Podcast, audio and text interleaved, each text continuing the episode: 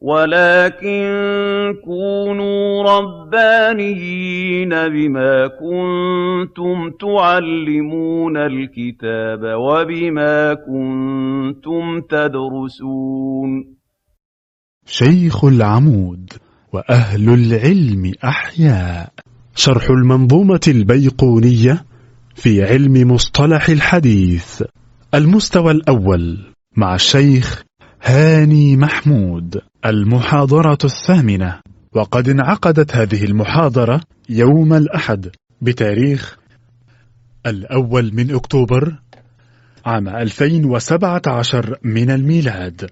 الموافق الحادي عشر من محرم من عام 1439 من الهجرة.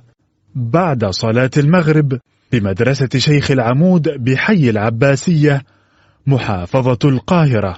بسم الله والحمد لله والصلاة والسلام على سيدنا رسول الله صلى الله عليه وعلى آله وصحبه ومن والاه وبعد. مرحبا بحضراتكم في هذا المجلس الجديد من مجالس شرح ومراجعة المنظومة البيقونية المباركة. وكنا قد أنهينا الكلام عن هذه المنظومة في المرة الفائتة. ونظرا لأن البعض ربما لم يكن موجودا في المرة الفائتة حضرتك كنت موجودة؟ آه. لكن على أي حال هي جرت العادة على أن نراجع الدرس الأخير ونحن المفترض أننا سنبدأ في هذه المحاضرة وفي المحاضرة التالية سوف نبدأ في المراجعة إن شاء الله فبما اننا كده كده هنراجع فنبدأ من الأول ولا ناخد الدرس بتاع المرة اللي فاتت؟ يعني نراجع الدرس المرة اللي فاتت الأول حسب العادة ولا مفيش داعي عشان نراجعه أحسن؟ وهي لسه المعلومات طازجة. طيب يلا بقى اقرأ واشرح لنا. طيب. أقرأ بس. طب اقرأ اقرأ يعني خدنا من أول فين؟ الفرد والمنكر الفرد به راو غدا. صح؟ تعديله لا يحمل التفرد. والمنكر الفرد به راو غدا. تعديله لا يحمل التفرد. آه فقلنا إن الحديث المنكر آه آه آه طيب طيب تمام خلاص كتر خير متفق لفظا وخطا متفق. ومثله فيما ذكرنا المفترق المفترق. نعم. فقلنا إن في نوعين قريبين من بعض اللي هو المتفق والمفترق والإيه؟ المؤتلف والمختلف. إيه الفرق بينهم؟ المتفق والمفترق بيكون الراوي ليه نفس الاسم. بيكون الراوي ليه نفس الإيه؟ الاسم. بس شخصين مختلفين. زي قلنا زي أنس بن مالك. في ستة أنس بن مالك. وكان من ضمنهم مين زي ما قلنا؟ والد الإمام مالك بن أنس. فهو اسمه مالك بن أنس بن مالك. فهنا بنلاقي الاسم واحد ولكن يعني الاسم واحد بمعنى إيه؟ إن هو في النطق واحد وفي الكتابة واحد ولكن الشخصين مختلفين. أما المخ... المؤتلف والمختلف بيكون ال ال ال التشكيل مش التشكيل الهيكل بتاع الكلمة الهيكل بتاع الكلمة واحد. بس ممكن يبقى فيه خلاف في الإعجام الإعجام اللي هو الإيه؟ النقط وضع النقط يعني. قلنا زي إيه؟ عباس وعياش. فهنا النطق مختلف لكن الكتابة متشابهة وطبعا بيكونوا إيه؟ شخصين مختلفين. فده باختصار يعني. وقلنا طبعا فايدة ال ال النوع ده من أنواع الحديث إن ممكن يبقى الراوي الراويين ليهم نفس الاسم بس إيه؟ واحد ضعيف وواحد ثقة. فلازم نبقى عارفين مين فيهم الثقة ومين فيهم الضعيف حتى لا يلتبس الأمر عند تصحيح أو تضعيف الإيه؟ الحديث. فدي باختصار اللي هي فكرة الإيه؟ المتفق والمفترق وفكرة المؤتلف والمختلف. أنا أظن إحنا كمان بدأنا بالبيت اللي قبله بتاع المدبج كمان. قلنا في مدبج اللي هو إيه؟ وما روى كل قرين عن اخه مدبج فاعرفه حقا وانتخه. آه، عشان نفهم المدبج نفهم الأصل بتاعه. الأصل بتاعه اللي هو إيه؟ رواية الأقران. رواية الأقران بيبقى اتنين من الرواة الشيخ بتاعهم واحد. أو الشيخ بتاعهم مش واحد بس كانوا عايشين في نفس الفترة الزمنية. زي مالك بن أنس وايه والأوزاعي مثلا. نعم. ما أنا بشرح الأقران يعني إيه دلوقتي؟ الأقران يعني اتنين من الرواة. أنتوا كده أقران. أنتوا الثلاثه كده أقران. ليه؟ لأن الشيخ بتاعكم واحد. ماشي؟ ولأنكم عايشين في نفس الفترة الزمنية. فالأقران مثلا الصحابة أسهل مثال. صحابة النبي صلى الله عليه وسلم كلهم أقران لأن الشيخ بتاعهم واحد. وكانوا عايشين في نفس الفترة الزمنية. فلما تيجي مثلا ستنا عائشة تروي عن أبي هريرة يبقى دي اسمها رواية أقران. أبو هريرة ينوي- يروي مثلا عن عمر بن الخطاب أو عبد الله بن عمر يبقى دي رواية أقران. طب لو هما الاثنين كل واحد روى عن الثاني بنسميها إيه بقى؟ مدبج. فعائشة ر- روت عن أبو هريرة وبرضه أبو هريرة روى عن عائشة هو ده المدبج. تمام؟ وبعدين خدنا الإيه؟ خدنا الحديث ال- المنكر. قال والمنكر الفرد به راو غدا تعديله لا يحمل التفردا المنكر اللي هو تفرد به راو ضعيف بس مش متفق على ضعفه مش متفق على ضعفه لأن لو كان متفق على ضعفه يبقى اسمه إيه؟ متروك. فالمنكر والمتروك يعني قريبين من بعض جدا. إن واحد بيتفرد وهو ضعيف. ده الم... ده ده, ال- ده الوجه الشبه بين المنكر والمتروك. إن بنلاقي الراوي تفرد برواية الحديث وهو ضعيف. طب بنفرق بين المنكر والمتروك بإيه؟ إن في المنكر بيكون ضعيف مختلف في ضعفه أما في المتروك بيكون ضعيف متفق على إيه؟ على ضعفه. يبقى الراوي المتفرد. الراوي المتفرد. لو كان ضعيف بنشوف. لو متفق على ضعفه بنسمي حديثه إيه؟ متروك. مش متفق على ضعفه بنسمي حديثه إيه؟ منكر. تمام؟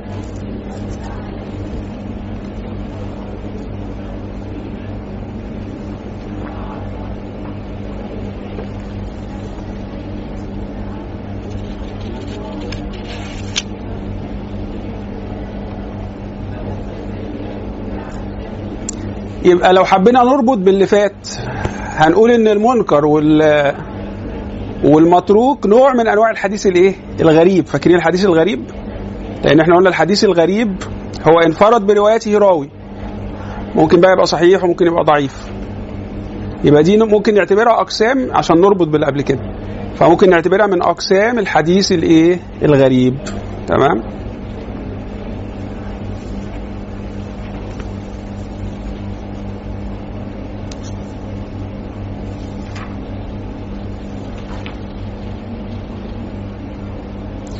وقلنا ال- المنكر والمتروك يعني كده خلاص واضح الفرق بينهم. وبعدين الحديث الموضوع وده آخر مصطلح عندنا في مصطلحات الحديث الحديث الموضوع. والكذب المختلق المصنوع على النبي فذلك الموضوع. فالحديث الموضوع ما نقولش عليه ضعيف لأن الحديث الضعيف مش مش بالضرورة بيبقى كذب على النبي صلى الله عليه وسلم. لكن الحديث الموضوع ده إحنا بنقطع بان هو كذب على النبي صلى الله عليه وسلم وضربنا ليكم أمثلة قبل كده. زي الحديث بتاع الهريسة الراجل الحلواني ده اللي ما كانش لاقي طريقة يروج بها لبضاعته. وقلنا لكم الحديث بتاع إن واحد كان عايز يتملق الخليفة فالخليفة كان إيه بيحب الحمام فراح مزود حتة على حديث صحيح. يعني الحديث الضعيف ممكن يبقى يبقى جزء مضاف بالكذب إلى حديث صحيح. فاحنا عندنا حديث صحيح بتاع إيه؟ لا سبق إلا في خف أو إيه؟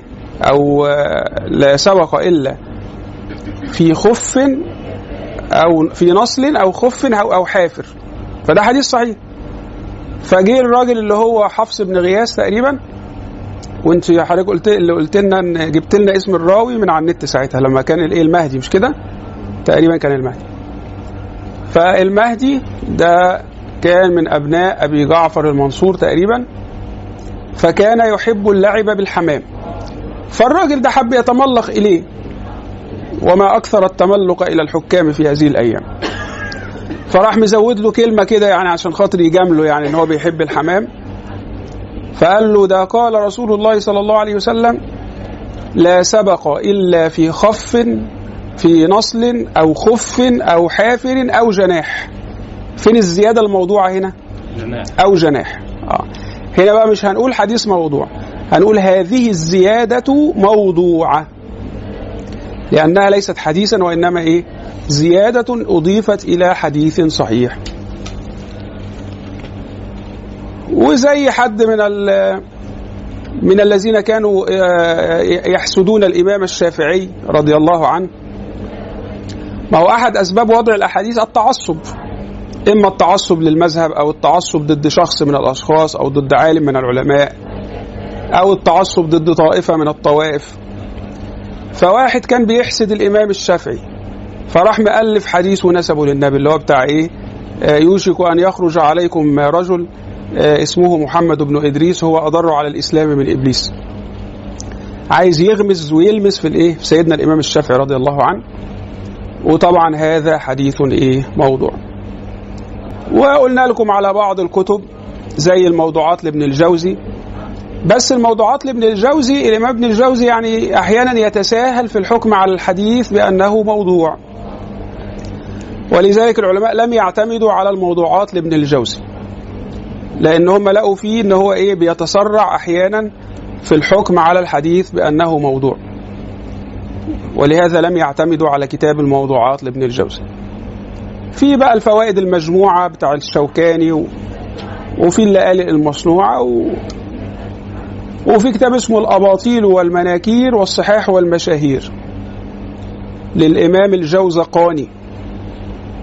كتاب لطيف كده. بينبه فيه على الأحاديث الإيه؟ الباطلة. الأباطيل والمناكير والصحاح والمشاهير. ده للإمام الجوزقاني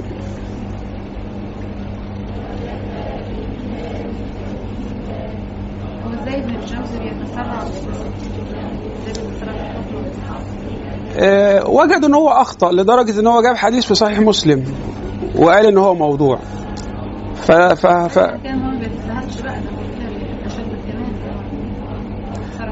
بيتساهل أقصد بالتساهل إن هو يعني إيه بعض الأحاديث يعني كأنه يعني لم يدرسها دراسة كافية ده ده مقصودي بالتساهل يعني آه هو تشدد من ناحية آه, آه يعني ممكن نعتبر إن هو تشدد من حيث إن هو آه حكم على الحديث بالوضع وهو مش موضوع. أنا قصدت التساهل بمعنى إن هو ما ما لم لم يدرس يعني بعض الأحاديث لقوا إن هو لم يدرسها دراسة كافيه لدرجة إن لقوا حديث في صحيح مسلم وهو جايبه على انه هو حديث موضوع.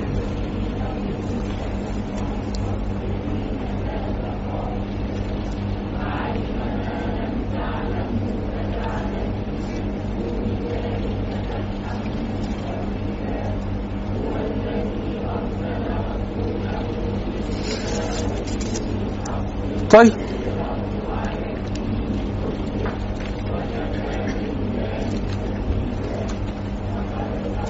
أنا كنت عايز نسجل المتن بس آه، أظن مش هنعرف نسجل من الصوت.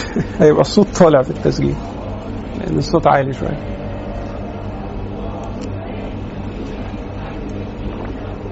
لو خلصوا قبلنا لو هم خلصوا قبلنا نسجل إحنا في الآخر بقى إن شاء الله.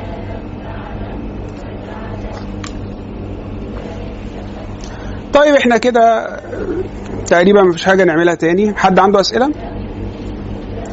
أعتقد مفيش حاجة نعملها بقى إلا المراجعة. فنبدأ من الأول خالص إن شاء الله. آه، نقرأ المتن مرة أخرى مع إيه، المراجعة.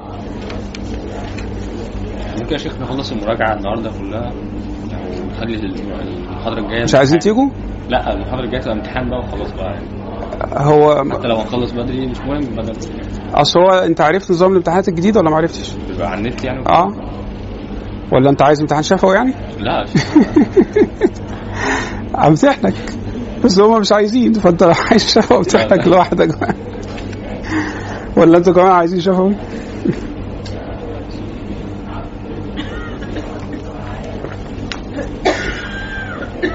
ممكن ننزل امتحان بدري. على المجموعة بتاعت حضرتك. بحيث إن إحنا يعني ما دام خلصنا آه، هن- هنقعد نعمل إيه صح؟ والله براحتكم ما فيش أي مشكلة. شوفوا أنتوا عايزين إيه وأنا اللي أنتوا عايزينه. يعني يعني حضرتك وانتوا شكلكم مش عايزين تيجوا المرة الجاية. لا لا لا براحتكم كده، لا يعني. مش عشان كده والله. آه. أقصد يعني زي ما حضرتك تحب في الأول وفي الآخر القرار لحضرتك طبعا. طيب حاضر. اصل هو الفكرة في إيه؟ إن آه، هم بي بي يعني الامتحانات أو ممكن ممكن. أصل هو اللي تقريبا آه، هم يعني كل شيخ من المشايخ بيضع الأسئلة وبعدين هم بيجمعوها وبيبعتوها لحد بي آه. بيعملها على البرنامج بقى بتاع الامتحانات دوت. يعني فتقريبا الموضوع بيبقى مع بعضه يعني آه. تنزل كلها في فترة وتتشال كلها في فترة. آه آه. فما ما أعرفش بقى يمكن آه، يعني مذاكرة إحنا نذاكرها. صح. آه آه. تمام تمام. هو أنتوا ممكن بقى اول ما الامتحان ينزل تروحوا أنتوا آه، ممتحنين على طول. آه، على أساس خلاص تبقوا جاهزين قوي يعني. ماشي خلاص. ادام أنتوا جاهزين كده مفيش مشكلة.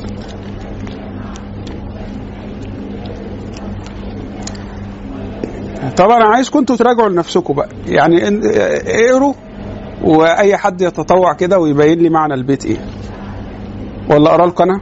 يبقى أنا عليا القراية وأنتوا عليكم الشرح. وأنا هعلق في الآخر. عايزين تقرأوا الشرح نفسه؟ ماشي. لا عادي عادي. اتفضلي حضرتك ماشي.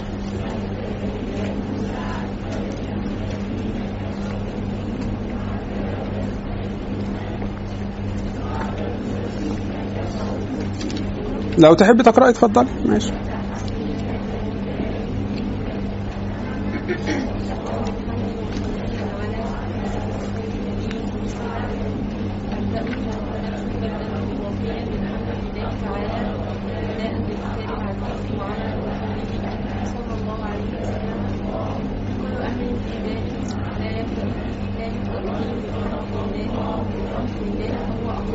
نعم. وأقطع يعني ما فيهوش بركة يعني. والابتداء الإضافي لأن الابتداء الحقيقي حصل بالبسملة. لأن هو قال الناظم رحمه الله بسم الله الرحمن الرحيم. فده الابتداء الحقيقي. فلما قال أبدأ بالحمد ده ابتداء إضافي. اللي هو يأتي بعد الابتداء الحقيقي ولكنه يشعر بالإيه؟ بالمقصود. فيدخل تحت اسم الابتداء. بس اسمه ابتداء إضافي عشان سبقوا ابتداء حقيقي بالبسملة. تمام؟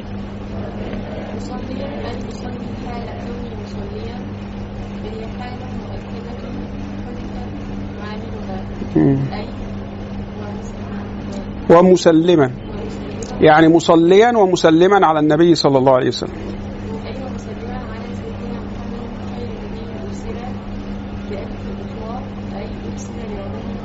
مسلما نعم. عدة نعم.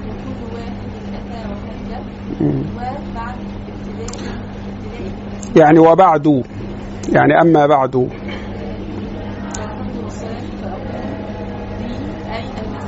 ذي ده اسم إشارة يعني هذه. معناها هذه يعني أي المسائل التي ذكرها حال كونها من أقسام الحديث عدة قدرها اثنان وثلاثون وهو علم قواعد يعرف فيها أحوال السند بالمتن صحة وحسن. فده تعريف علم الحديث رواية اللي هو آه، إحنا بندرسه دلوقتي في المنظومة البيقونية. تمام؟ فده موضوع علم الحديث رواية. بي- بيبحث في أحوال الراوي والمروي من حيث القبول والإيه؟ والرد. شكراً.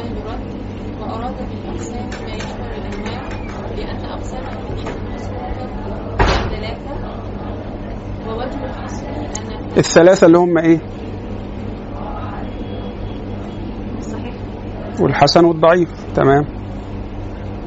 ووجه الحصر أن الحديث إما أن يشتمل من أوصاف القبول على خليها القبول افصح يعني أو على أدناها فالحسن أو لم يشتمل عليه فالضعيف وكل واحد من هذه الأقسام أتى أن يأتي في النظم حده للدال بشدته الفتحة أي مع حده وتعريفه الحد اللي هو التعريف يعني. تمام؟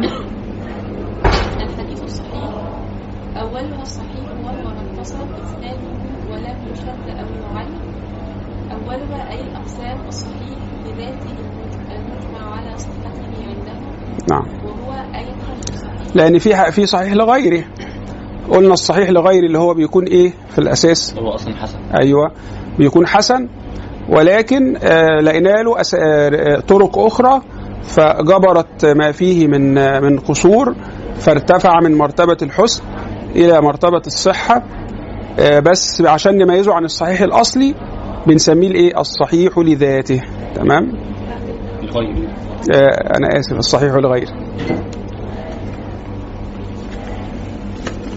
وهو أي الحديث الصحيح مم. ما أي المتن اتصل إسناده أي إسناد ذلك بأن يكون قد رواه كل رجاله عن شيخه من أول السند إلى آخره يبقى ده معنى الاتصال.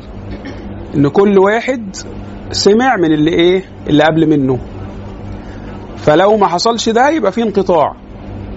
الانقطاع ده بقى بيدخل لنا إيه؟ كذا قسم بقى اللي هو المنقطع والمرسل والمعضل والإيه؟ والمعلق. إيه الفرق بينهم؟ إحنا بنراجع بقى فبراحتنا. يلا. المنقطع هو إيه؟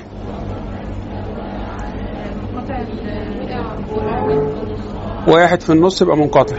طب اتنين في النص يبقى؟ معضل. اتنين في النص يبقى معضل. طب واحد من يكونوا متتابعين يعني. اتنين ورا بعض. اتفضل عايز طب واحد من أول السند يبقى إيه؟ أو حصل انقطاع. أي انقطاع من أول السند؟ أول السند يعني من تحت. أول سنه من تحت. يبقى إيه؟ معلق.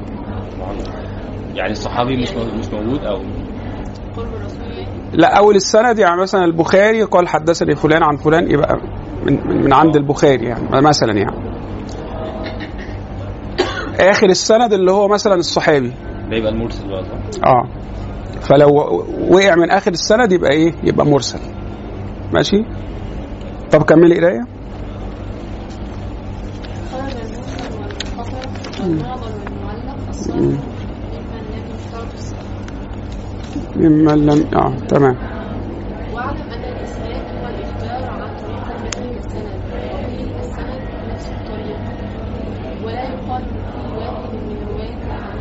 يعني في يعني في ناس قالت الإسناد زي السند. ماشي ما فيش فرق. بعض المحدثين قال لا السند هو نفس الرجال بتوع الإيه؟ السلسلة بتوع الإسناد. ال- الإسناد اللي هو عملية الإخبار نفسها. إن أنا أخبر بال- بالسند. فقال لك إن عملية الإخبار هي دي الإسناد. ولا يقال الحديث على سند بل الحديث السند يتصف بما لا بما لا يتصف به واحد من الاتصال. يعني الراوي الواحد ما يتقالش عليه سند. السند بي- بيتقال على السلسلة. سلسلة الرواة على بعضهم جملة واحدة كده هم دول السند. ما ينفعش نيجي الراوي واحد ونقول عليه سند. تمام والحال إنه لم يشد أو يعل بالبناء المجنون فيهما أي ولم ي- ولم يدخله شذوذ ولا علة قادحة في صحة الحديث والشذوذ مخالفة الثقة لمن هو أوثق منه ولا فرق بين العلة الظاهرة كالفقه كالفسق والفسق والخفية كالوقت حديث المرفوع آه يعني الشذوذ ال- ال- ال- العلة في علة ظاهرة وفي علة خفية. العلة الظاهرة إن بنلاقي راوي فاسق أو متهم بالكذب فدي علة ظاهرة ودي بتقدح في صحة الحديث.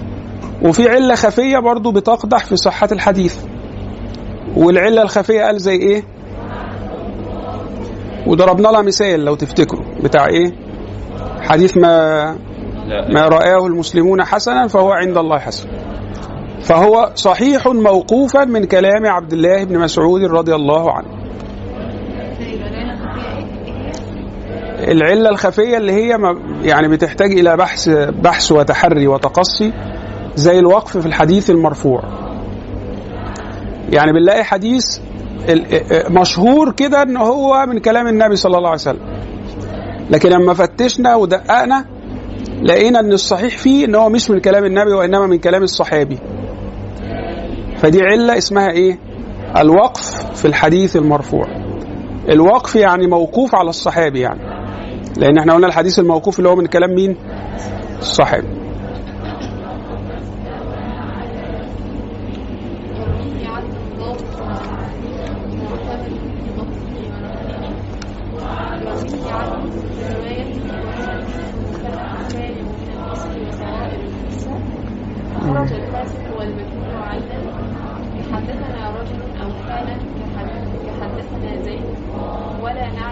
يبقى يبقى ده ده ده شرط. الشرط الأول في ولا مش الأول ده؟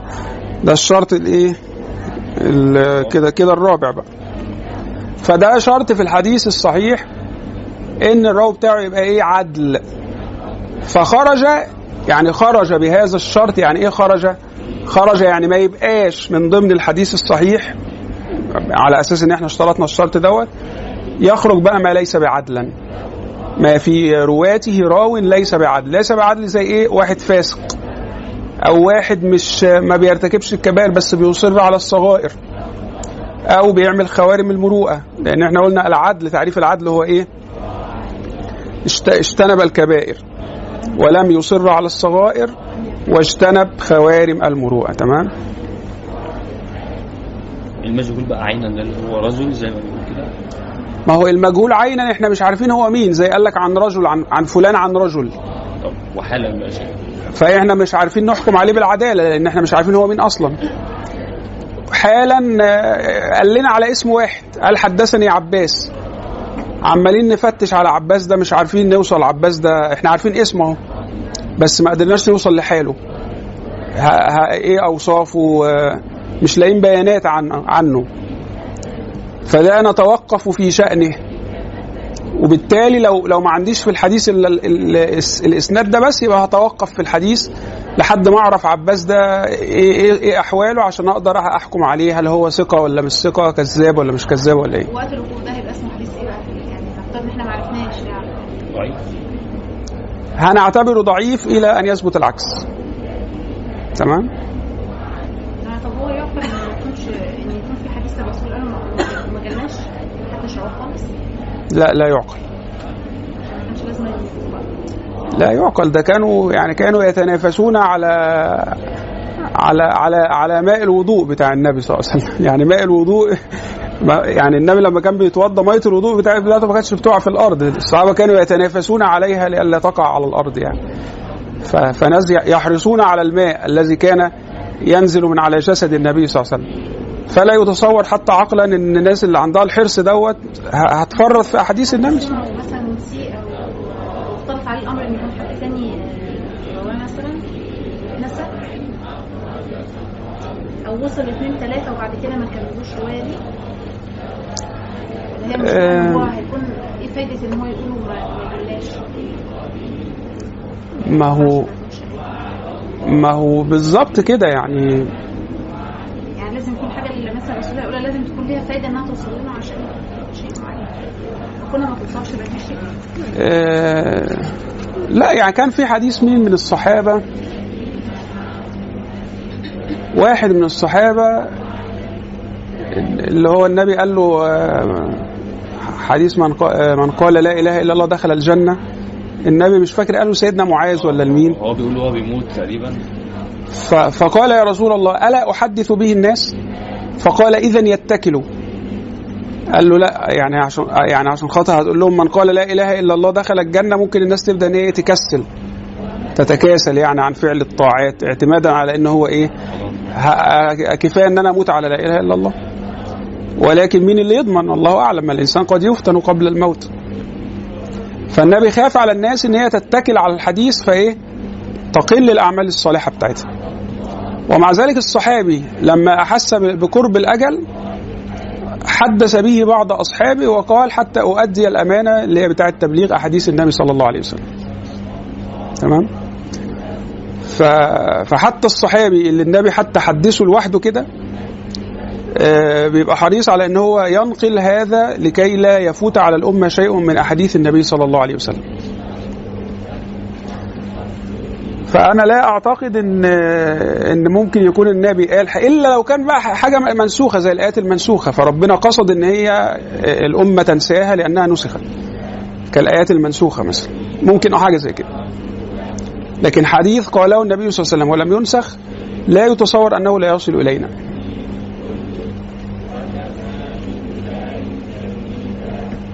طيب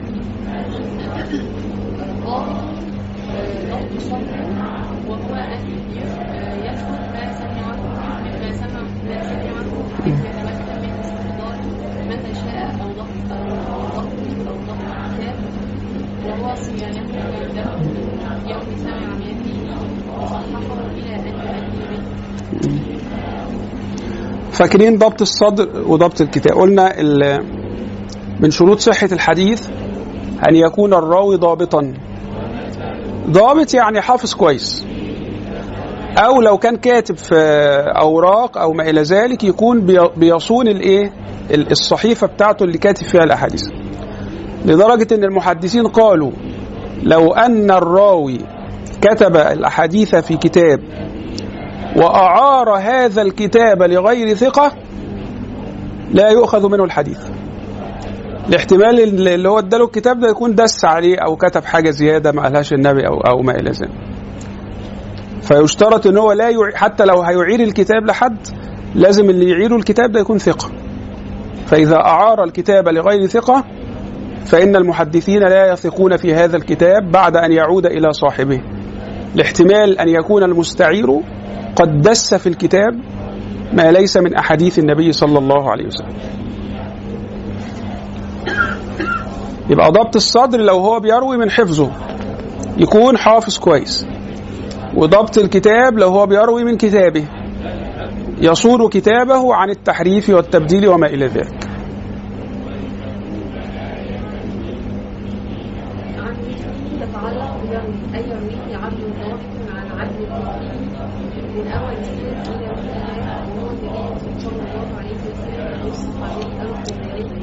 ليه قال ليه قال كده؟ ليه قال وهو النبي أو الصحابي أو التابعي؟ عشان الحديث يا إما يكون إيه؟ مرفوع لو من كلام النبي موقوف لو من كلام الصحابي مقطوع لو من كلام التابعي تمام؟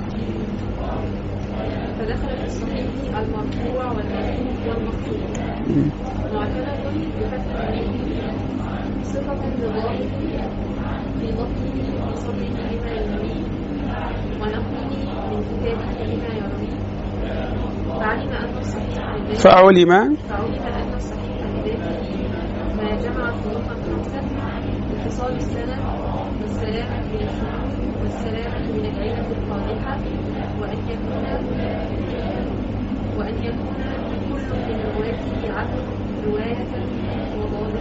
نعم مثال ما رواه البخاري من طريق الأعرج عن أبي هريرة رضي الله تعالى عنه قال قال رسول الله صلى الله عليه وسلم لولا أن أشق على أمتي لأمرتهم بالسواك عند صلاة نعم.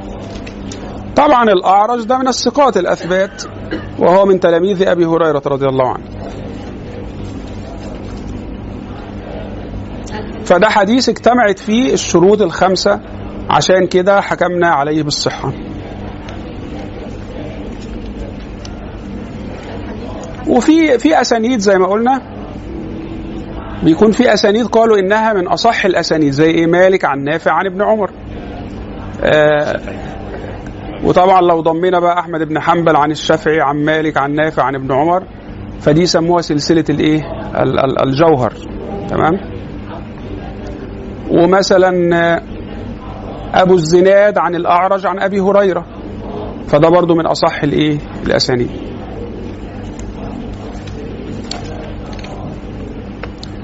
طيب يلا خلصنا لكم الحديث الصحيح أهو.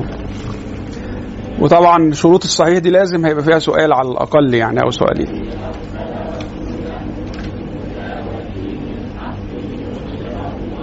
يلا الحديث الحسن.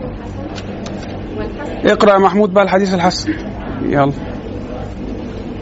والحسن المعروف طرقا وغدت رجاله لا كالصحيح اشتهرت. والحسن أي تعريفه أي تعريفه الحديث المعروف طرقا؟ علي صوتك بس شوية والحسن أي تعريفه الحديث المعروف طرقا؟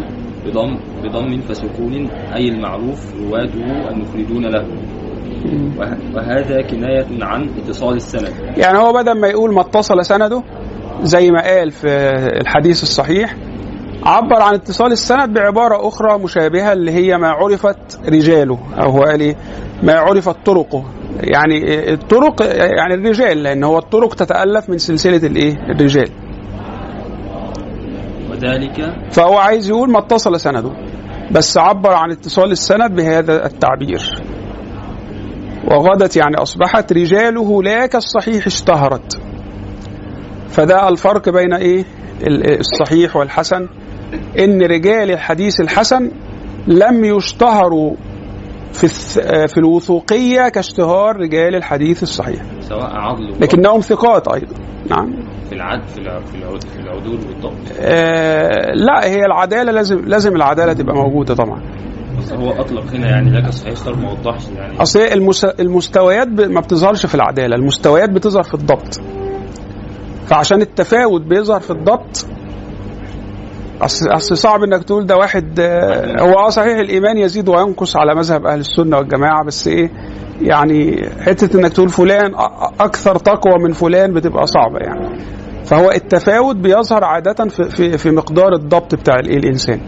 لأن إحنا بنحكم على ضبطه لما نعرض الأحاديث بتاعته على أحاديث الثقات المعروفين زي أحمد بن حنبل ومالك بن أنس والشافعي. فدول الموازين. فاحنا بنجيب بقى الرواة العاديين التانيين بنعرض رواياتهم على روايات ال- اللي هم إيه أئمة الرواية الكبار زي الإمام الشافعي وأحمد ومالك وكده.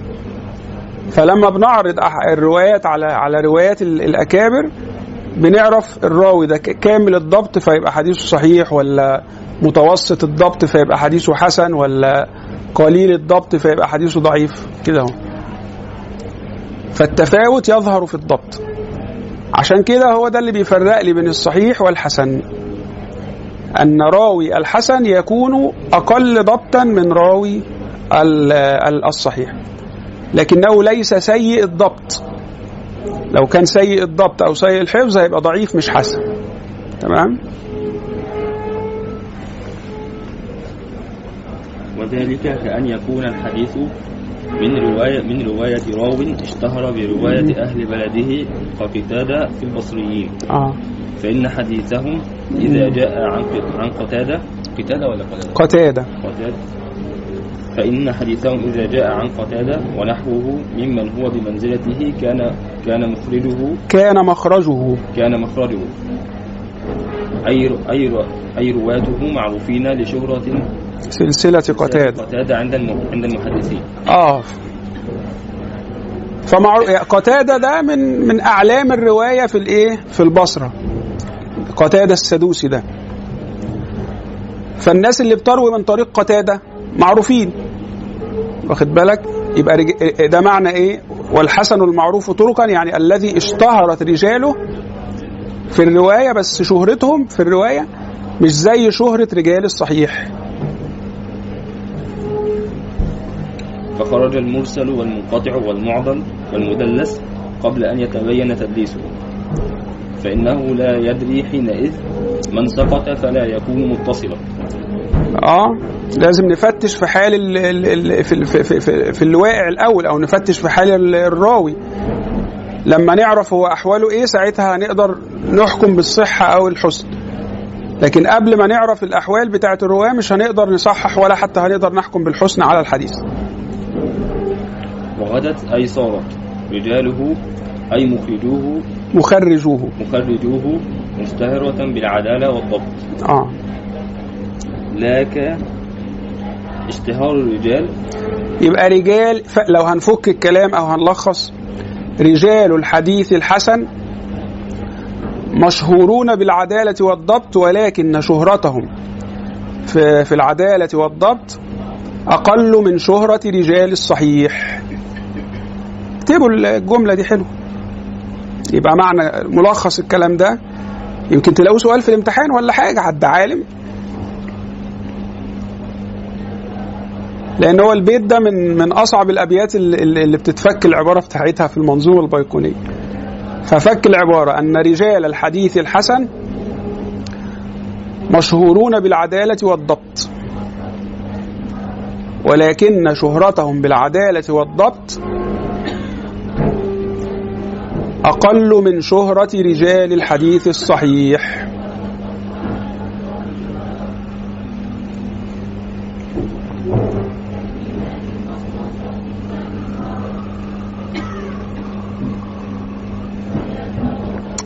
الناس اللي ما بيجوش دول حكايتهم إيه؟ حتى على الأقل اطمئنوا عليهم يعني. يا الله سيدي الصحيح اشتهرت بل. اشتهارا أقل من ذلك وع- وعلم من هذا أن الحسن يشارك الصحيح في اتصال سنده وعدالة, وعدالة رواته وضبطهم وإن لم يصلوا درجة الرواة الصحيح. رواة الصحيح وبقى, وبقي من شروط رواته وضبطهم وإن لم يصلوا أنت نزلت آه. آه طلعت وبقى, وبقى من شروط وبقي وبقي من شروط الصحيح السلامة من الشذوذ ومن العلة. فالحد الجامع للحسن هو ما اتصل سنده بنقل عدل ضابط قل, قل ضبطه قلة لا قلة قلة لا تلحقه. قلة لا تلحق قلة لا تلحقه بحال من يعد تفرده منكرا. وسلم من الشذوذ ومن العلة. فبقوله اتصل سنده دخل الصحيح. بنقل عدل ضابط قل ضبطه خرج الصحيح. آه. فهي عبارة قل ضبطه دي. دي العبارة الجوهرية في الحديث الحسن. قل ضبطه. لأن دي اللي هتميز لنا الإيه ال- ال- ال- الحسن عن الصحيح. وبما بقي خرج الضعيف. وما ذك وما ذكر هو الحسن لذاته. تمام. مثاله حديث لولا أن أشق على أمتي. طيب شكرا. جزاكم الله خير. بقول لحضرتك إيه ممكن بس؟ لولا أن أشق على أمتي. لرواية, لرواية محمد بن عمرو بن علقمة عن أبي سلمة فإن محمدا مشهورا بالصدق لكنه ليس في غاية الحفظ حتى ضعفه بعضهم لسوء حفظه ووثقه بعضهم لصدقه وجلالته وأما الحسن وأما الحسن لغيره فهو ما في إسناده مستور لم لم تتحقق أهليته غير أنه لم يكن مغفلا ولا كثير الخطأ. ولا كثير الخطأ فيما يرويه ولا متهما بالكذب ولا ينسب إلى ولا ينسب إلى مفسق مفسق آخر. مفسق آخر. ما ما بيعملش حاجة من الأشياء التي تجعل فاعلها فاسقا يعني. فهو ده أصلا كان حقه أن يكون حديثه ضعيفا. تمام؟ ولكن عشان تقوى بالمتابعة أو الشاهد رفعنا من حد من ح- من ال- الضعيف إلى مرتبة الحسن لغيره. مش فاكر شرحت لكم المتابعات والشواهد ولا لا. المتابعة إن المتابعة إن إن ال- اللي هي فكرة إيه؟ يبقى الشيخ ليه اتنين من التلاميذ. الشيخ ليه اتنين من التلاميذ. فكل واحد من الاتنين يروي عن الشيخ نفس الحديث. فدي اسمها إيه؟ متابعة. ماشي؟ يعني زي أنا أنا قلت لكم حديث مثلا. فراح محمود رواه عني. في نفس الوقت آه، شيماء. دينا روته عني. وشيماء روته عني. فكل واحد منكم أنتوا الثلاثه روى عني نفس الايه؟ الحديث. فدي اسمها الايه؟ المتابعة. يبقى كل واحد فيكم متابع للايه؟ للآخر في روايته الحديث عن يعني في روايته للحديث. فدي فكرة المتابعة. إيه الشاهد بقى؟ الشاهد ألاقي حديث تاني عن ناس تانية بس المعنى بتاعه الألفاظ مختلفة. بس المعنى بتاعه بيدي نفس المعنى بتاع الحديث ال- ال- الضعيف ده مثلا. فيروح إيه؟ يتقوى ضعف هذا الحديث بالشاهد ده لأن هو بيديني نفس المعنى. بس الشاهد ده طبعا بيكون إيه؟ آه صحيح أو حسن بحيث يصلح إن هو يرفع لي الإيه؟ السند الضعيف من رتبة الضعيف مثلا إلى رتبة الإيه؟ الحسن لذاته أو من رتبة آه، من رتبة الضعيف إلى الحسن لغيره. أو من رتبة آه، الحسن لذاته إلى رتبة الإيه؟ الصحيح لغيره. تمام؟ فده الشاهد. يبقى الشاهد بيكون الاتفاق بين ال- الروايتين في المعنى وليس في اللفظ. المتابع بيكون نفس اللفظ بس مروي عن شخص آخر بيكون سمع من نفس الشيخ.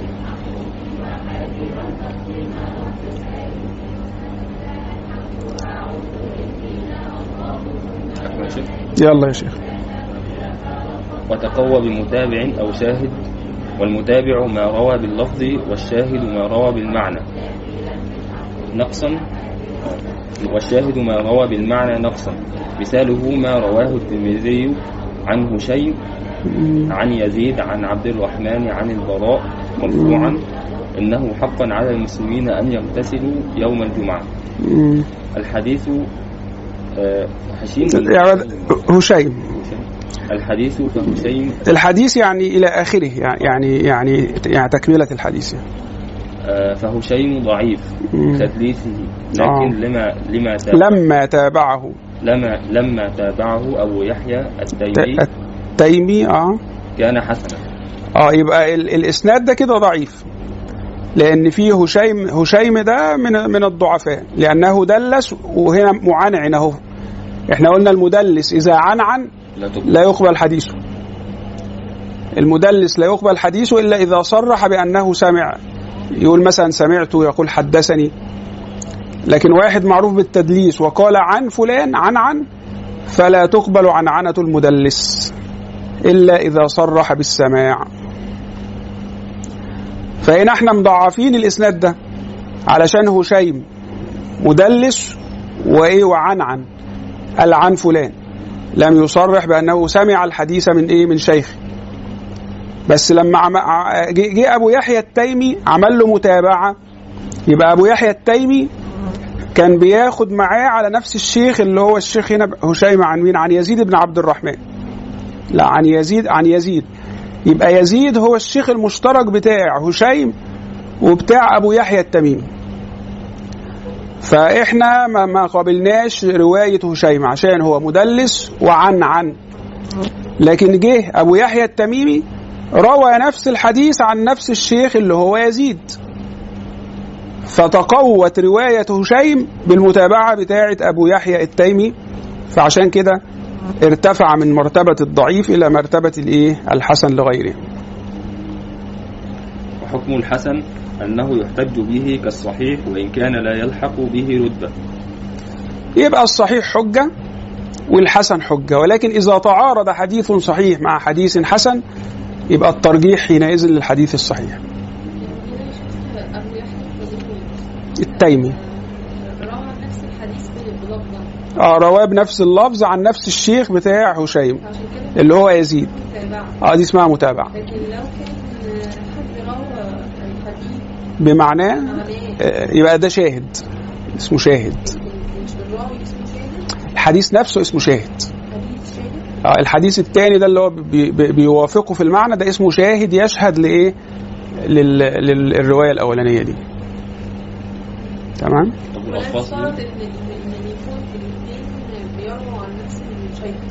ده بيشترط في المتابعة لكن لا يشترط في الشاهد. وشكل الألفاظ دي موجودة برضو لما بنيجي نصح نصحح حديث حسن؟ لما نلاقي مثلا حديث مثلا في نفس آه ما هو الحديث الحسن يتقوى أيضا بالمتابعات والشواهد. ويرتفع إلى صحيح بس يبقى إيه؟ صحيح لغيره لغير بالظبط.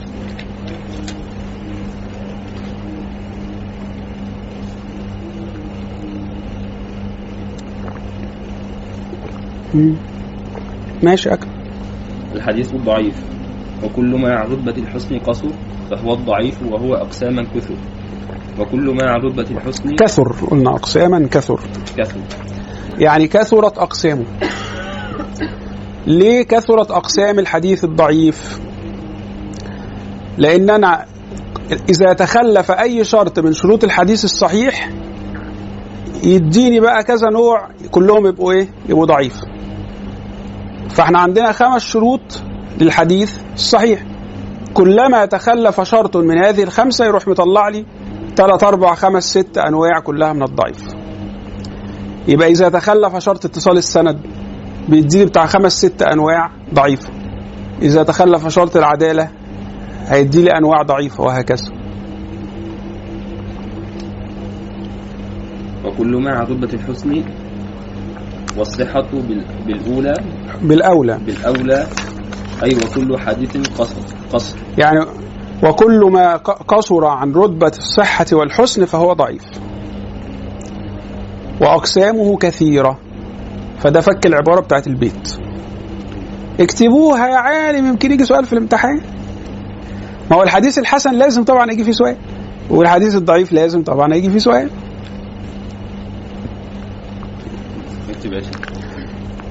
ده هم بيطلبوا مني 25 سؤال صح وغلط؟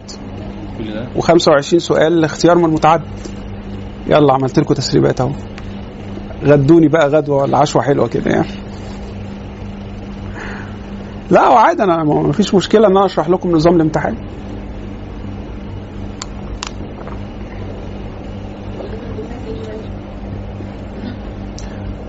يبقى كل ما قصر يعني كل ما نزل عن مرتبة الحديث الصحيح أو الحسن فهو الضعيف. وأقسام الضعيف كثيرة لأن تخلف كل شرط من شروط صحة الحديث وحسنه ينتج لنا عدة أنواع من الضعيف.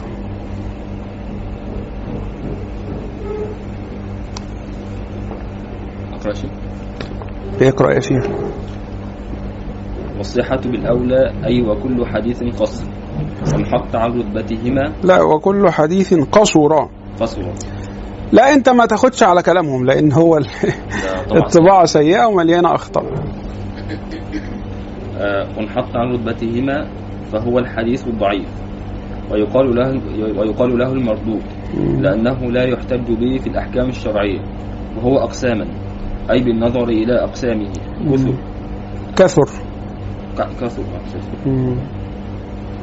آه، كثر آه أوص- أوصلها أوصل- اوصلها بعضهم. أوصلها بعض بعضهم إلى بعضهم. بعض. فاعل مرفوع. أوصلها بعضهم إلى 300 381 لا طائل تحتها. يعني هو الشيخ شايف إن التقسيمة دي فيها مبالغة يعني. عشان تقول إن الض- الضعيف أكتر من 300 نوع لا يعني فيها مبالغة يعني. يعني لا طائل تحتها دي معناها مبالغة يعني. آه آه. وتتفاوت درجات درجاته؟ يعني هو يعني تخلف الشرط من شروط الصحيح هيدينا بالكثير خمس ست أقسام يعني فاضرب خمسة في خمسة. يعني بالكثير مثلا آه، 40 نوع يعني مش لدرجة 300 وتتفاوت درجاته في الضعف بحسب بعده عن شروط الصحة. مثاله حديث إن النبي صلى الله عليه وسلم توضأ ومسح على الجوربين لأنه يروى عن أبي قيس الأودي. وهذا راو ضعيف. ف- فالجورب كده مش حجة بقى. صح كده. إحنا كده استنتجنا يعني حكم فقهي بأن لا ما هو أنت وقعت بقى في في في المزلق. أيوه. أنت كده افترضت إن الحديث ده ملوش إلا إسناد واحد اللي هو الإسناد ده. لكن هو من من من من من أخذ بال توضأ ومسح على الجوربين آه، جايز الحديث ليه اسانيد أخرى غير غير غير ف- فخلي بالك عشان ده مزلق بيقع فيه. أيوة. آه. يعني لا- تفترض إن ال- الح- الحديث أو المتن له إسناد واحد إلا بعد التفتيش والبحث التام. دي همة الفقيه بقى. عشان كده إحنا فرقنا ما بين صحة الطريق وصحة المتن. فممكن يبقى عندي عشر طرق للحديث تسعة منها ضعيفة وواحد صحيح. فيبقى الحديث صحيح بناء على الطريق الايه زي حديث إنما الأعمال بالنيات. ما هو ليه طرق أخرى كثيرة ضعيفة لكنه صح بالطريق بتاع اللي إحنا رويناه ده اللي فيه آه، يحيى بن سعيد الأنصاري عن محمد بن إبراهيم التيمي عن علقمة بن وقاص الليثي عن عمر بن الخطاب أن رسول الله صلى الله عليه وسلم قال إنما الأعمال بالنيات. في طرق أخرى للحديث ده ده مش الطريق الوحيد بس الطرق الأخرى ضعيفة. لكن هذا الطريق هو الإيه؟ الصحيح. وطبعا في هنا تفرد وكان من أقسام الغريب وحاجات زي كده قلناها. وفي هنا رواية أقران خلوا بالكم. الحديث ده في رواية أقران لأن يحيى بن سعيد الأنصاري تابعي ومحمد بن إبراهيم التيمي تابعي. وعلقمة بن وقاص الليثي تابعي. فثلاثة من التابعين بيروي بعضهم عن بعض في نفس السند. فدي بقى اسمها إيه؟ رواية أقران. تمام؟ يروى عن بعضهم؟ آه. هو يحيى بن سعيد عن محمد بن إبراهيم عن علقمة بن وقاص والثلاث دول من التابعين هم لو كانوا كذا واحد بيروى عن بعضهم دي طب الاخير يسمع من الاولاني وخلاص الثلاثه من نفس الزمن لا هي جت كده هو سمع كده هو يحيى بن سعيد ما سمعوش إلا من محمد بن إبراهيم فروى عنه. أنا عايز أقول يعني هو كان في وقتها ما كانش ما سألش ليه إن أعلى حد موجود سامع الحديث ده ويروح يسمعه منه بحيث إن يعني يقلل الناس اللي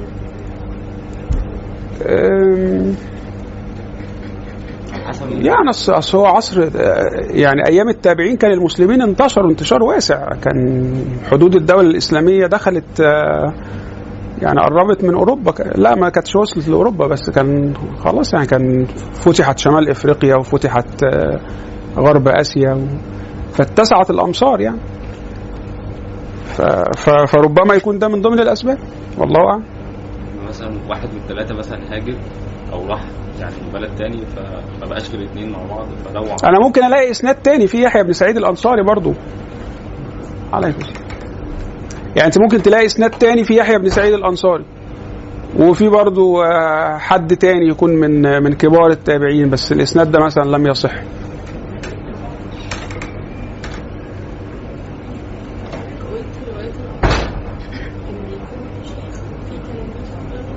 ما إحنا قلنا ليها صورتين.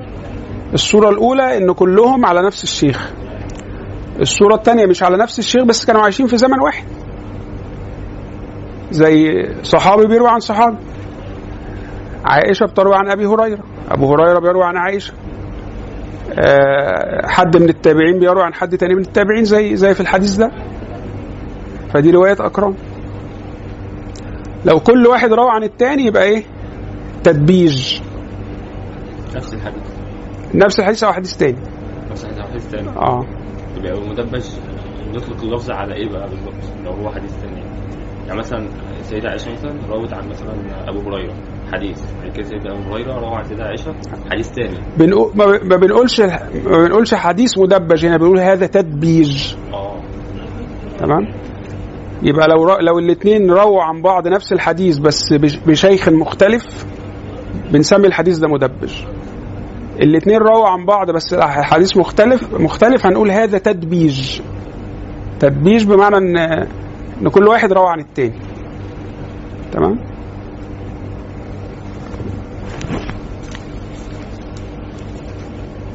الفائدة المراد بالحكم على الحديث بالصحة ونحوها ونحوها. ونحوها إنما هو في فيما ظهر لأئمة الحديث عملا بظاهر الإسناد لا القطع بالصحة.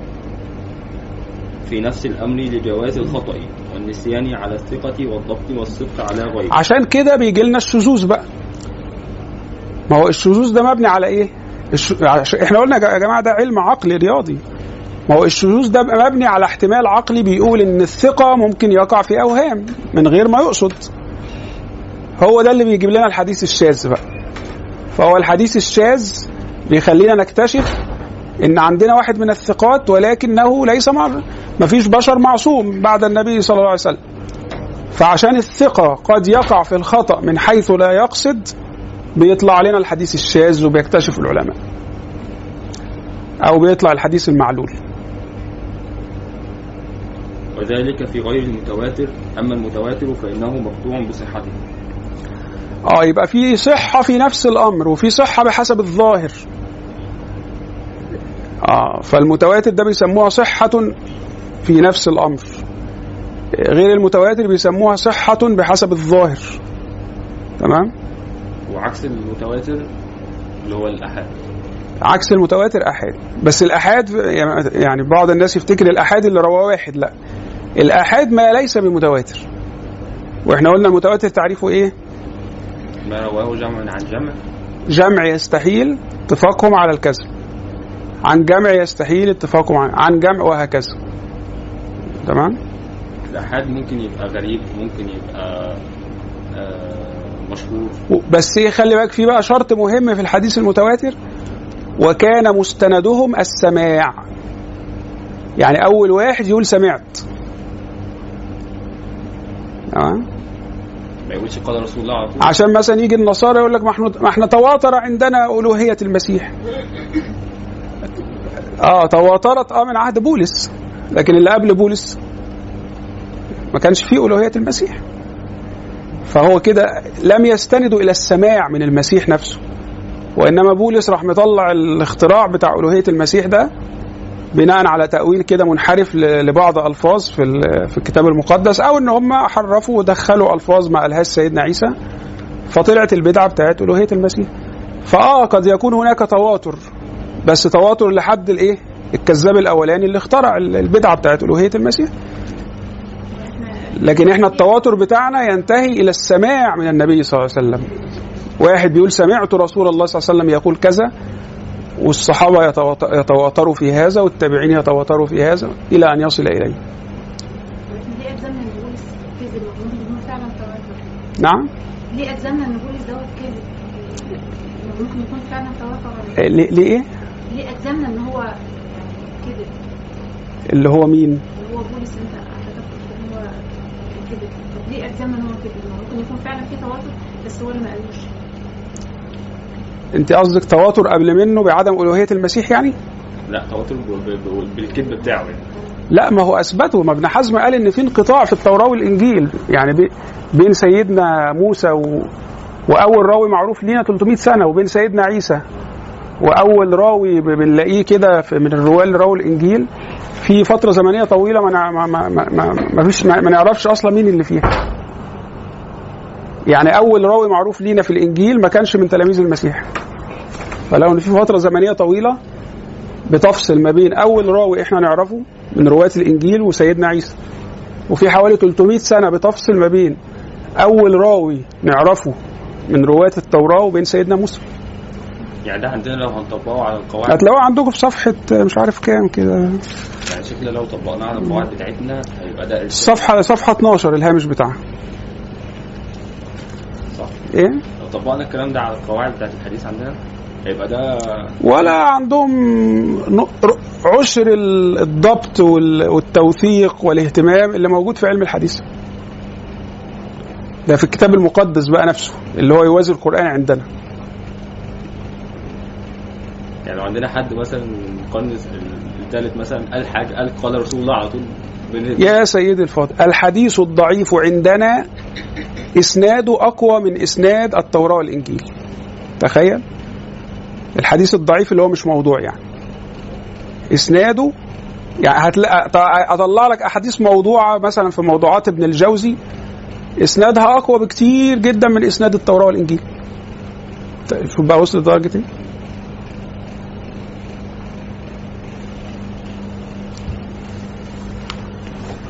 طب هل إحنا دلوقتي ينفع وده من أهمية العلم ده في الزمن بتاعنا لأن كتير من الشبهات دلوقتي مش هتبقى شبهات أصلا لو الناس عندها علم بده. هي بتبقى شبهات وبتروج بسبب الجهل. فال يعني دراستكم لهذه العلوم في هذا الوقت أنا بعتبرها نوع من أنواع الجهاد في سبيل الله عز وجل. في سؤال كان من كام يوم كان حد قال محمد عمارة تقريبا كان قال إن إن إيه المشكلة لما إحنا إيه المشكلة لما إحنا نعيب على البخاري مثلا أو ان إحنا آه، نقول إن هو مثلا آه، قال أحاديث كذا أو ما قالش أحاديث كان المفروض يقولها أو كذا إذا كان مسلم اللي هو كان يعتبر تلميذه آه، عاب عليه وعمل ال- ال- الكتاب بتاعه يعني زي صحح.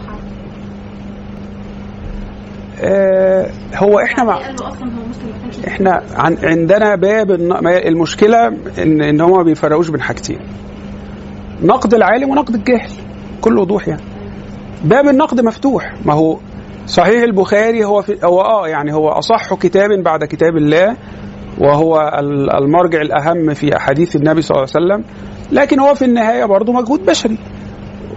والبخاري ليس معصوما. من المحتمل أن يكون البخاري قد أخطأ في في بعض الأحاديث. آه، بس وهناك انتقادات. يعني الدراقطني انتقد حاجة وعشرين حديث كده على البخاري. آه، البخاري لما عرض الصحيح بتاعه على شيخه اللي هو أحمد بن حنبل أثنى عليه وصححه إلا أربعة أحاديث. البخاري ويحيى بن معين كانوا آه، آسف آه، أحمد بن حنبل ويحيى بن معين كانوا من من شيوخ البخاري. فلما خلص الكتاب عرضوا عليه فصححوه كله ما عدا أربع أحاديث. انتقدوها صحيحه يعني قالوا عليهم هل انتقدوها بمعنى ضعفوها ولا انتقدوها بمعنى إن هم قالوا له إن شروطك العالية مش منطبقه عليها الله أعلم. بس هم انتقدوا له أربع أحاديث من السبعة آلاف. بس العلماء اللي بعدهم آه، جمهور العلماء اللي جم بعد أحمد بن حنبل ويحيى بن معين آه، كانوا مع البخاري في مسلم في موقف. ملوش علاقه بالموضوع ده خالص لا ما هو ما ينفعش نكيف أو نوصف المجهود بتاع مسلم بإنه انتقاد للبخاري. مين اللي قال كده؟ لا. هو هو أنا لما ألف كتاب بعد يعني أنا مثلا لما ألف كتاب بعد شيخي يبقى ده معناه إن أنا مثلا مالف الكتاب عشان برد عليه أو بعترض عليه؟ لا. مسلم ما ألفش كتابه عشان بيرد على البخاري. هو ألف كتابه عشان خاطر هو عنده محصول علمي. عايز يأدي الواجب بتاعه في إن هو ينقح هذا المحصول العلمي اللي عنده. ويضع يترك للأمة أفضل ما ما أمكنه أن يصل إليه من خدمة لسنة النبي صلى الله عليه وسلم. ده ده مسألة فطرية بيعملها أي عالم. مسلم أصلا طلع كتابه قبل ما يقابل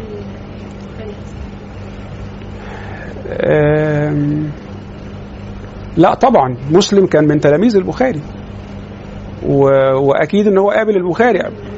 لا، قبل مو- ما يعمل الكتاب بتاعه أعتقد كده آه. اللي أعرفه كده إن إن إن البخاري من شيوخ مسلم. فأعتقد إن هم اتقابلوا أكيد قبلها يعني. إن هو إن هو كان من تلاميذه بس كان بعد ما عمل الكتاب قابل البخاري بعد ما خلص تتلمس عليه بقى. والله إن رجعها. الله هو, هو الثابت أن مسلم يعد من تلاميذ البخاري. آه، حتة إن هو ما قابلوش إلا بعد الكتاب آه، خلاص نراجع دي. ماشي. بس لا لا يوصف عمل مسلم بان هو ثورة مثلا على البخاري. طب ما طب ما الترمذي هو البخاري على فكرة كان في تلاميذ كتير للبخاري ألفوا برضه كتب حديث. الإمام الترمذي أظن برضه كان من تلاميذ البخاري. أعتقد والله أعلم. يعني حتى لو ما كانش الترمذي لكن هناك الكثير من تلاميذ البخاري ألفوا كتب في حديث- النبي صلى الله عليه وسلم. فما يتقالش إن كل اللي ألف كتاب بعد البخاري كان مألفه مثلا ثورة على شيخ مين اللي قال كده؟ ده هو ده الطبيعي. طبيعي إن كل واحد بعد ما يصل لتحصيل علمي معين وعنده ثروة هائلة من الروايات بي- بيستشعر إنه لازم يخدم سنة النبي. امال هو بقى له 20 سنة بيتعلم ليه؟ فيبدأ إن هو يعمل تنقيح لل- لل- للروايات ويطلع بأحسن حاجة عنده خدمة لسنة النبي صلى الله عليه وسلم. لأن هو ده كان واجب الوقت في العصر بتاعهم. أصل هم العصر بتاعهم إحنا عصرنا دلوقتي خلاص سنة النبي اتنقلت لنا والأحاديث اتصححت واتضاعفت فواجب وقتنا دلوقتي إن إحنا ندافع عن دوت بس إحنا أصبحنا مشغولين بواجبات أخرى لأن ال- هناك هجمات بشكل ما على الإسلام. لكن هم في عصرهم يعني إحنا دلوقتي بيقولوا علينا العالم الثالث فتحدياتك لما بتكون بيتقال عليك العالم الثالث غير تحدياتك لما بتكون أنت العالم الأول. لكن أيام البخاري ومسلم كان المسلمين هم العالم الأول وأوروبا.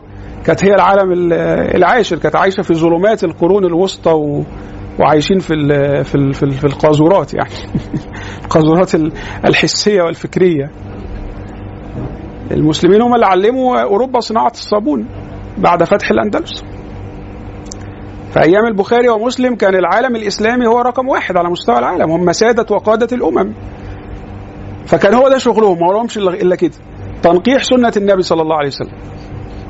كان ساعتها الجهاد عبارة عن فتوحات. أنت أصلا آه، يعني آه، خلاص مثلا امتلكت مثلا آه، نص الكرة الأرضية وعمال تتوسع هو ده الجهاد على أيامهم يعني.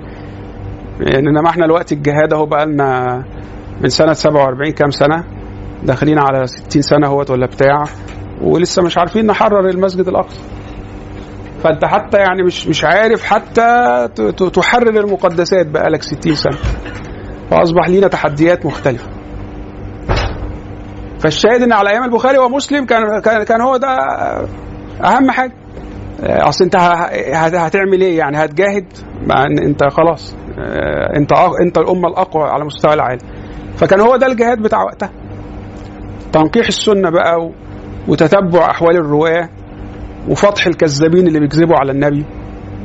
كان دي آه، أكتر حاجة مطلوبة ساعتها يعني. فكان الطبيعي إن أي واحد من الرواة لما يصل إلى مستوى علمي معين يبدأ يكتب في السنة. فما يتقالش إن هو لما بيكتب بيبقى بيعترض على شيخه مش ما حدش عاقل يقول كده ابدا يعني. وعلى فرض إن حد بيرد على حد. ما هو الدرقطني انتقد قلنا كتب في الرد على بعض أحاديث في البخاري. فباب النقد مفتوح للعلماء ما فيش أي مشكلة. إنما يطلع واحد جاهل ما يعرفش أي حاجة في الحديث ويقول لك البخاري. أنا ممكن أحترمه لو لو جاب لي الكتاب بتاع الدرقطني مثلا اللي انتقد فيه بعض أحاديث في البخاري وبدأ مثلا إيه؟ يعرض وجهة نظر الدرقطني في نقد البخاري بما يدل على أنه يفهم علم الحديث. أنا ساعتها ممكن أحترمه. إن هو ما يعرفش يعمل كده أصلا. ما يعرفش يفتح كتاب الدرقطني ويقرأ منه فقرة قراءة سليمة أصلا يعني.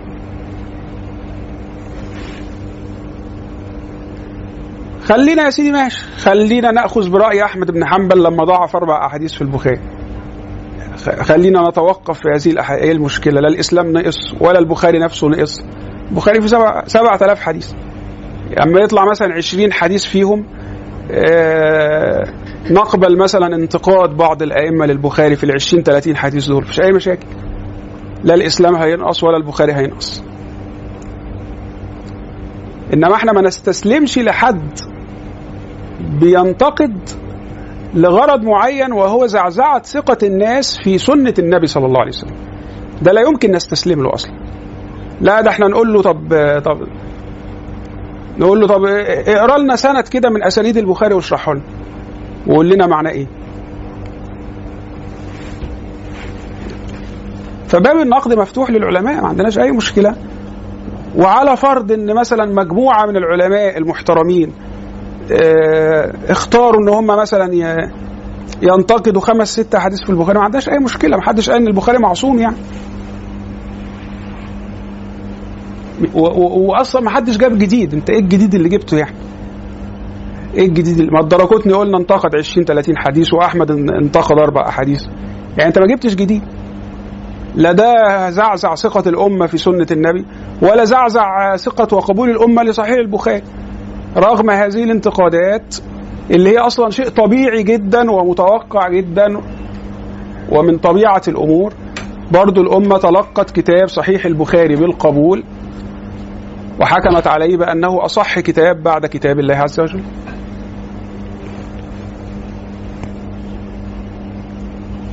شوف هو حديث متواتر. آه، يعني مقطوع بصحته نفس درجة اللي هي نفس درجة القرآن. صح؟ آه, آه يعني قوة ثبوت المتواتر في قوة ثبوت القرآن نعم.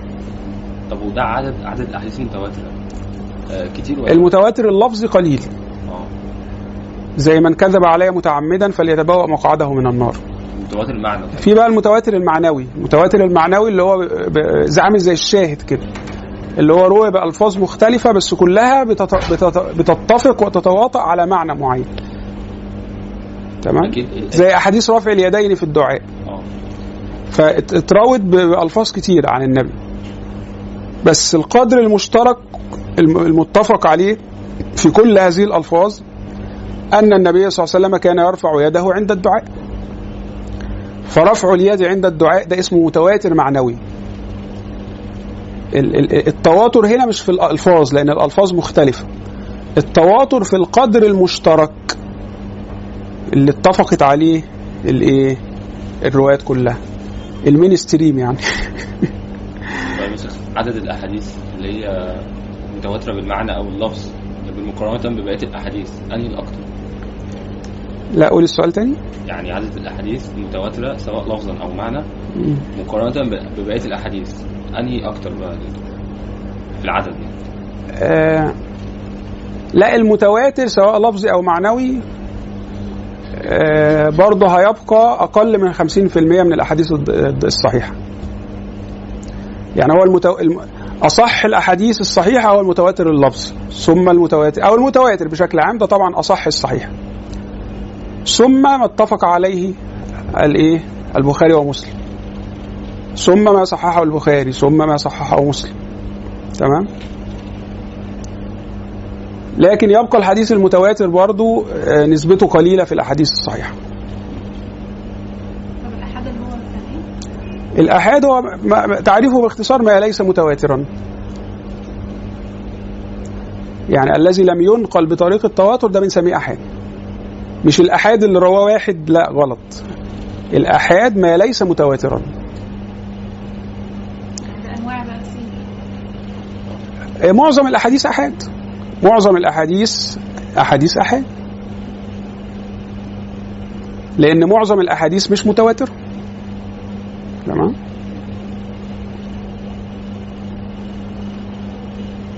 طب يا شيخ لو تعرض آه، في الفقه بقى مسألة فقهية لو تعرض مثلا إيه حكم آه، أو حديث مقطوع بصحته يعني متواتر مع حديث آخر صحيح ولكن أحاد.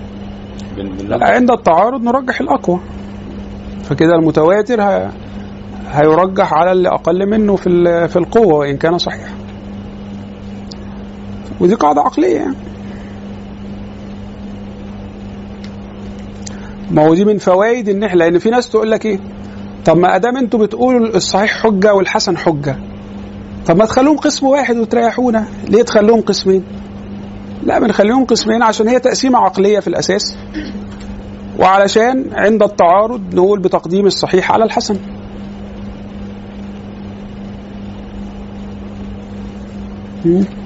أيوه اسألوا اسألوا أنا عايز أسأل مش فاهمة هو آه، إيه إيه اللي غير متواتر إزاي يعني يعني إيه حديث آه، كل أحاديث تعتبر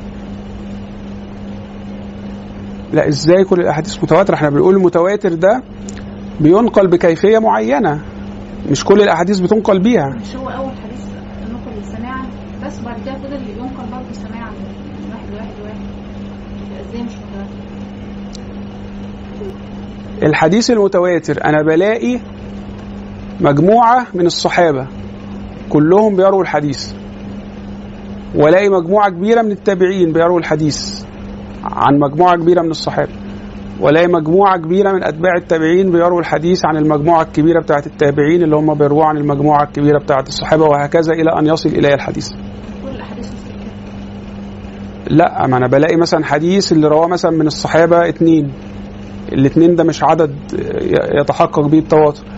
ألاقي في التابعين مثلا آه، أنا ممكن ألاقي في التابعين عشرة أو عشرين. بس الاقي عشرين مثلا أو ألاقي مثلا 15 آه، ضعيف.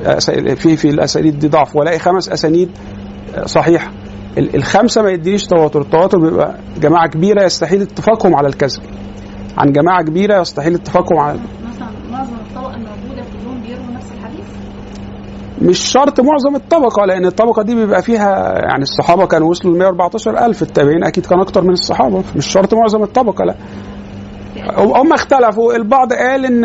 أقل عدد يتحقق به التواتر 40 في ناس قالت أقل عدد يتحقق به التواتر 10 في ناس قالت أقل عدد يتحقق به التواتر 12 لكن ما أعتقدش حد قال أقل من 10 لكن هي ال- الراجح إن ما فيش عدد معين. الراجح إن إن هي مسألة عرفية. إن هو في العرف كده. اتفاق المجموعة دي المجموعة دي لو اتفقت يستحيل اتفاقهم على الكذب أنا في اعتقادي إن ممكن تلاقي خم- خمس أئمة. يعني مثلا لو الشافعي وأحمد ومالك اتفقوا على حاجة أنا أحيل إن الثلاثه دول يتفقوا على الكذب. أنا أحيل إن إن واحد من دول أصلا يتعمد الكذب على النبي صلى الله عليه وسلم. فما بالك لو مثلا الشافعي ومالك وأحمد الثلاثه اتفقوا على حاجة. أنا أقطع باستحالة إن الثلاثه دول يتفقوا على الكذب ف- فتحديد عدد معين للتواتر مش هو المذهب الراجح يعني. المذهب الراجح أن عدد التواتر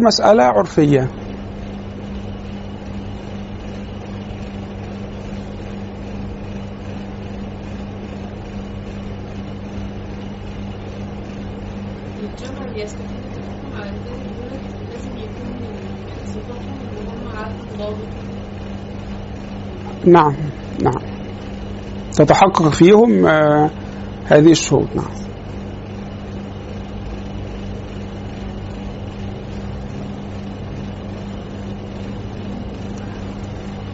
طب أكمل آه، نخلص حتى إحنا خلصنا الضعيف كده؟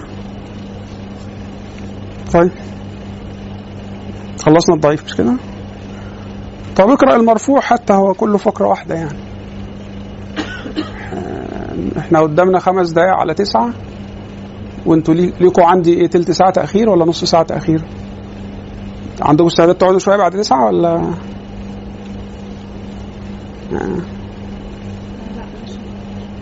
يعني نخلص تسعة؟ طب اقرأ المرفوع وخلاص. حديث مرفوع وما أضيف للنبي المرفوع وما لتابع هو المقطوع وما أضيف أي الحديث الذي أضافه صحابي أو تابعي أو من بعدهما للنبي صلى الله عليه وسلم قولا كان أو فعلا ومن الفعل التقرير اتصل سنده أم لا هو المرفوع. فدخل المتصل والمرسل والمنقطع والمعضل والمعلق وخرج الموقوف يعني ممكن الاقي حديث مرفوع إلى النبي بس في انقطاع أو في إعضال. وخرج الموقوف والمقطوع وسمي بذلك قلنا إيه الفرق بين المقطوع والمنقطع؟ مقطوع ده بتاع التابعي قول التاني أيوه. راوي في النص. أيوه تمام.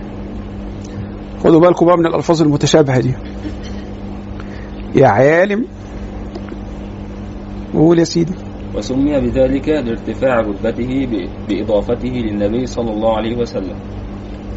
مم. وما أي المتن الذي أضيف لتابع وكذا من دونه قولا أو من دونه. وكذا من دونه. يعني ال- ال- القول اللي هو من كلام التابعي أو من كلام من هو دون التابعي. وكذا من دونه قولا أو فعلا حيث حيث خلا عن قرينة الرفع والوقف. آه يعني له مرفوع وله موقوف. هو المقطوع وهو ليس بحجة. آه لا الحجة في كلام النبي صلى الله عليه وسلم. وبعض الأصوليين والفقهاء يحتج بكلام الصحابة لكن دي مسألة خلافية. فمثلا الإمام الشافعي في المذهب القديم كان يجعل قول الصحابي حجة. لكن المذهب الجديد للإمام الشافعي أن قول الصحابي ليس بحجة. الحجة في كلام النبي فقط. تابع يا شيخ؟ ما فيش حد أقر؟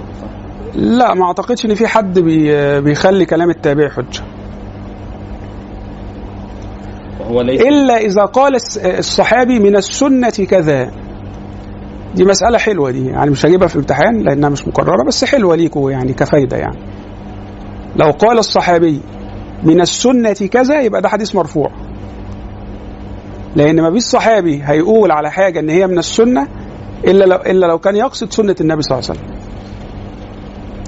فقول الصحابي من السنة كذا له حكم الحديث المرفوع آه ودي حلوة دي يعني دي يعني دي من المسائل اللي بتلاقوها يعني ما هو قول صحابي بس الصحابي عمل إيه؟ عمل رفع يعني إيه- هل في صحابي هيقول من السنة كذا إلا لو كان يقصد من سنة النبي كذا؟ كأنه قال إن النبي صلى الله عليه وسلم قوله كذا أو فعله كذا أو تقريره كذا. فدي مسألة حلوة بتلاقوها في علم الحديث وبتلاقوها في علم أصول الفقه وبتلاقوها في الفقه.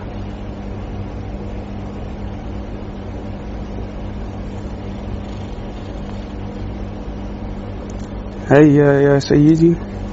هو المقطوع وهو ليس بحجة إذ ذاك أما إذ ذاك إيه إذ ذاك ليس. مم. الذاك يعني حينئذ يعني. زي حينئذ ساعتها وهو ليس بحجة ساعتها أو وقتها. يلا أما إن كان فيه قرينة تدل على الرفع فمرفوع حكما. آه، زي اللي قلناها كده. أو قرينة تدل على الوقف فموقوف كالقول الراوي عن التابعي من السنة كذا. آه، فمن السنة كذا يبقى ده حديث مرفوع على طول. هو شيخ هو طيب. هو حاطط المثال ده ك- على الموقوف مش الموقوف. لا ما هو التابعي لو قال لي من السنة كذا هيبقى حديث مرفوع بس هيبقى مرسل. لو التابعي قال من السنة كذا هنعتبره حديث مرفوع. لأن التابعي لما يقول من السنة كذا كقول الراوي عن التابعي فموقوف كقول الراوي عن التابعي من السنة. آه آه. يعني التابعي لما يقول من السنة كذا مش هنعامله على إنه قول التابعي هنعامله على إن ده قول الصحابي. يبقى لما الصحابي يقول من السنة كذا هنعامله على إن ده كلام النبي. لما التابعي يقول من السنة كذا هنعامله على إن ده كلام الصحابي. تمام؟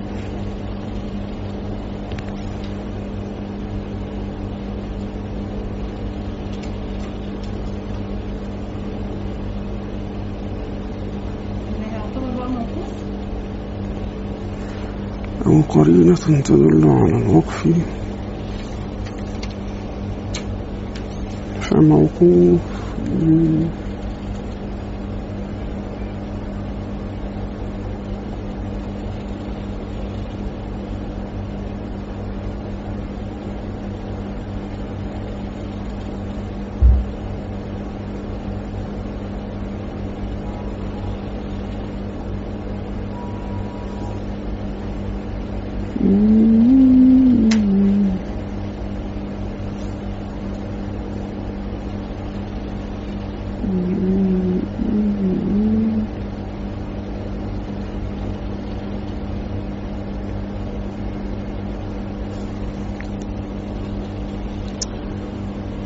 أنا فاهمها أن التابعي لو قال من السنة كذا بس هي حتة كقول الراوي عن التابعي. مم، كقول الراوي. أنا فاهمها أن الت... إن إن إن من السنة كذا ده قول التابعي. بس التابعي لما يقول من السنة يبقى مش هنعامل ده مش هنعامله على إن ده كلام التابعي نفسه هنعامله على إن ده كلام ال- ال- الصحابي اللي روى عنه التابعي. وكده هيبقى موقوف بقى. آه ما هو جا- هو جعله مثال للموقوف. زي الصحابي لما يقول من السنة كذا يبقى يبقى ال-. يبقى, يبقى, يبقى مرفوع يبقى القصد ده كلام النبي صلى الله عليه وسلم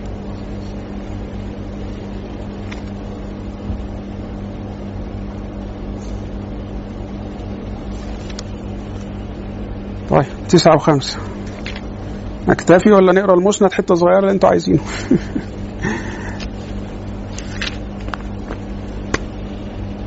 آه. طب خلاص آخر كلام بقى المسند يلا كمل الحتة بتاع المسند. الحديث المسند. والمسند المتصل الإسناد من راويه حتى المصطفى ولم يبن. ولم يبن يعني قلنا لم ينفصل يعني لم ينقطع. و, و من البينونة يقول لك مثلا إيه إبانة الايه يقول لك ال- العضو المبان يعني العضو المقطوع أو أو الطلاق البائن أو البينونة. جاية من الانفصال والانقطاع يعني. ماشي يلا. والحديث والحديث. المسند يعرف عند يعرف عند الحاكم. يعرف عند الحاكم بأنه المتصل الإسناد من راويه حتى. إلى أن ينتهي يبقى حديث إسناده متصل من الراوي بتاعه لحد النبي. ده بنسميه مسند. ممكن يبقى صحيح وممكن يبقى لأ لأن في شروط تانية يعني هو كده تحقق شرط الاتصال. فبنشوف لو تحققت الشروط التانية بيبقى صحيح. آه، آه، اختل شرط من الشروط الأخرى هيبقى ضعيف. ماشي؟ أي إلى ينتهي إلى المصطفى صلى الله عليه وسلم. فلا يستعمل إلا في المرفوع والمتصل وذلك كإسناد مالك عن نافع عن ابن عمر عن النبي صلى الله عليه وسلم وقوله لم يبن أي والحال أي والحال إن, إن الإسناد لم ينقطع جملة مؤكدة يعني وهذه الجملة اللي هي ولم يبن مؤكدة لأن هو قبلها قال لك إيه؟ والمسند المتصل. لم يبن يعني لم ينقطع. ما هي لم ينقطع يعني متصل فبيأكد الجملة اللي قبلها يعني. وحكمه الصحة أو أو الحسن أو الحسن وال- والحسن أو لا المفروض أو الحسن أو الضعف بقى. هو في غلطة يعني؟ تقريبا هو مقرر كلمة الحسن دي. وحكمه الصحة أو الحسن أو الضعف. فائدة الاتصال بنقل ثقة عن ثقة إلى أن يبلغ به النبي صلى الله عليه إلى وسلم. أن يبلغ به. إلى أن يبلغ به النبي صلى الله عليه وسلم مما اختصت به هذه الأمة. آه. واقرأوا الهامش بتاع ابن حزم جميل ومهم يعني. فمما خص الله به هذه الأمة أنه وفر دواعي أئمة الحديث إلى دراسة الأسانيد من حيث الاتصال ومن حيث عدمه. ولا توجد أمة أسانيدها متصلة إلى نبيها إلا أمة محمد صلى الله عليه وسلم. وأما الأمم الأخرى فهناك انقطاع بين نبيها وبين أول الرواة المعروفين لكتبهم المقدسة.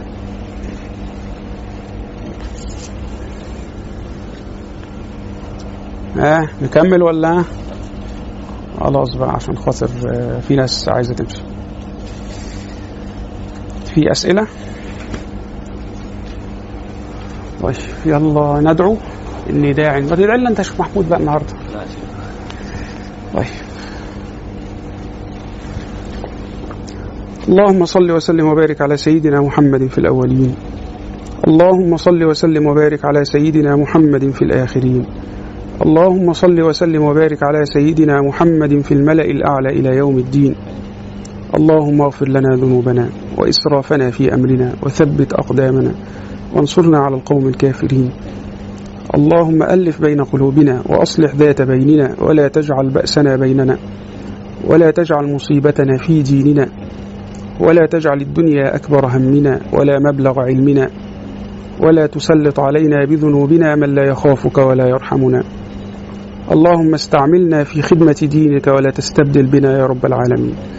اللهم آت نفوسنا تقواها وزكها أنت خير من زكاها. أنت وليها ومولاها. اللهم أعنا على ذكرك وشكرك وحسن عبادتك. اللهم إنا نعوذ بك من الكفر والفقر ونعوذ بك من عذاب القبر. لا إله إلا أنت. اللهم إنا نعوذ بك من الهم والحزن ونعوذ بك من العجز والكسل. ونعوذ بك من الجبن والبخل ونعوذ بك من غلبة الدين وقهر الرجال. اللهم هب لنا من أزواجنا وذرياتنا قرة أعين واجعلنا للمتقين إماما. ربنا لا تزغ قلوبنا بعد إذ هديتنا وهب لنا من لدنك رحمة إنك أنت الوهاب. اللهم إنا نعوذ بك من الفتن ما ظهر منها وما بطن. اللهم إنا نعوذ برضاك من سخطك وبمعافاتك من عقوبتك. ونعوذ بك منك لا نحصي ثناء عليك. أنت كما أثنيت على نفسك. اللهم إنا نعوذ بك أن نشرك بك شيئا نعلمه ونستغفرك لما لا نعلمه. اللهم إنا نسألك العافية في الدنيا والآخرة. اللهم إنا نسألك العفو والعافية في ديننا ودنيانا, ودنيانا وفي أهلنا وأموالنا. اللهم استر عوراتنا وآمن روعاتنا. اللهم احفظنا من بين أيدينا ومن خلفنا وعن أيماننا وعن شمائلنا واحفظنا من فوقنا. ونعوذ بعظمتك أن نغتال من تحتنا. وآخر دعوانا أن الحمد لله رب العالمين. هو الذي بعث في الأميين رسولا منهم يتلو عليهم آياته ويزكيهم ويعلمهم الكتاب والحكمة وإن كانوا من قبل لفي ضلال مبين.